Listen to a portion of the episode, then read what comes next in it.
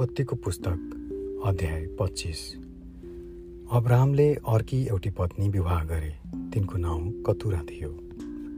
तिनले अब्राहमबाट जिमरान योक्छान मदान मिध्यान इस्वाक र सुहलाई जन्म दिए। योक्छान सेवा र ददानका पिता भए। ददानका सन्तान असुरी लतुसी र लौमीहरू थिए। मिध्यानका छोराहरू चाहिँ एपा एपेर हनोक अबिदा र एल्दा थिए। यी सबै कतुराका सन्तान हुन्। अब्राहमले आफूसँग भएका सबै थोक इसाहकलाई नै दिए। तर आफू जीवित छँदै उनका उपपत्नीपट्टिका छोराहरूलाई उनले उपहारहरू दिए र आफ्ना छोरा इसाहकबाट छुट्याएर तिनीहरूलाई पूर्व देशतिर पठाइदिए। अब्राहम जम्मा एक सय पचहत्तर वर्षसम्म बाँचे अब्राहम दीर्घायु भई पुरा बुढेसकालमा मरे र आफ्ना मरेका पिता पुर्खासँग मिल्न गए।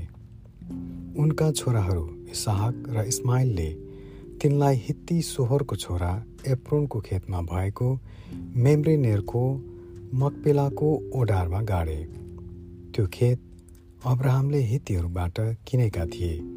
त्यही नै अब्राहम आफ्नी पत्नी सारासित गाडिए।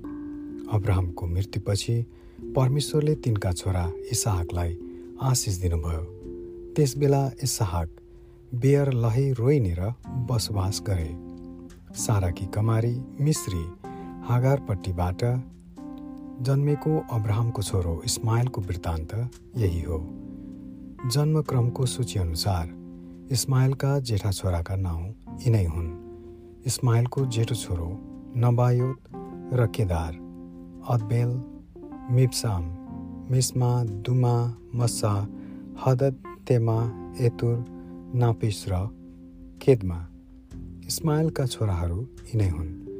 तिनीहरूका बस्ती र छाउनीहरू अनुसार ती बाह्र कुल नायकका नाउँ यिनै हुन्। इस्माइलको जम्मा उमेर एक सय सैँतिस वर्ष थियो तब तिनको मृत्यु भयो र तिनी आफ्ना पिता पुर्खाहरूसँगै मिल्न गए। मिश्रको सिमानानिर असुर देशतर्फ हबिलादेखि सुरसम्म तिनीहरू बसोबास गर्थे अनि तिनीहरू आफ्ना दाजुभाइको शत्रुतामा बस्थे। अब्राहमका छोरा इसाहकको वृत्तान्त यही हो। अब्राहम इसाहकका पिता भए।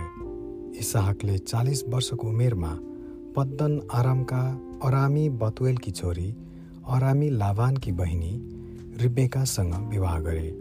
तिनी बाजी भएकी हुनाले इसाकले आफ्नी पत्नीको निम्ति परमप्रभुसँग प्रार्थना गरे। तब परमप्रभुले उनको प्रार्थना सुन्नुभयो र रिबेका गर्भवती भइन्। गर्भमा भएका बालकहरूले एक अर्कासँग लडन्त गर्न लागे। किन मलाई यस्तो भयो पनि तिनले परमप्रभुसँग सोध्न लागिन्। परमप्रभुले तिनलाई भन्नुभयो तेरो कोखमा दुई जातिहरू छन्।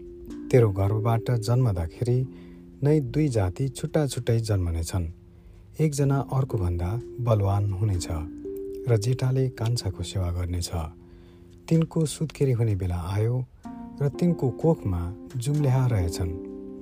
जेठो चाहिँ रातो वर्णको शरीरभरि रौँको लुगा लाए जस्तै जन्म्यो। यसकारण त्यसको नाउँ एसाब राखियो। त्यसपछि त्यसको भाइ चाहिँ एसाबको कुर्कुच्चा हातले समातेर निस्क्यो। यसै कारण त्यसको नाम याकुब राखियो। रिबेकाले यिनीहरूलाई जन्माउँदा इसाक साठी वर्ष पुगेका थिए। यिनीहरू बढेपछि एसाब चाहिँ सिपालु शिकार र मैदानमा डुली हिँड्ने मानिस भए र याकुब चाहिँ पालमा बसिरहने शान्त स्वभावका मानिस भए।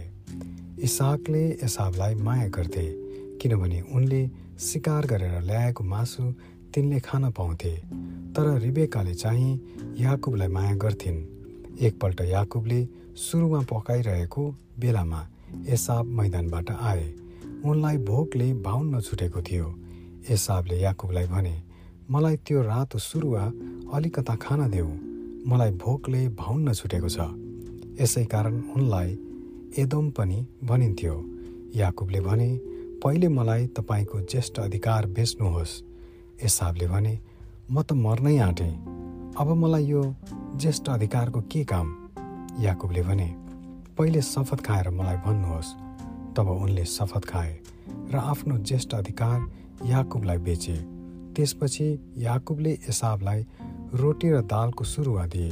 खानपान गरेर एसाब आफ्नो बाटो लागे।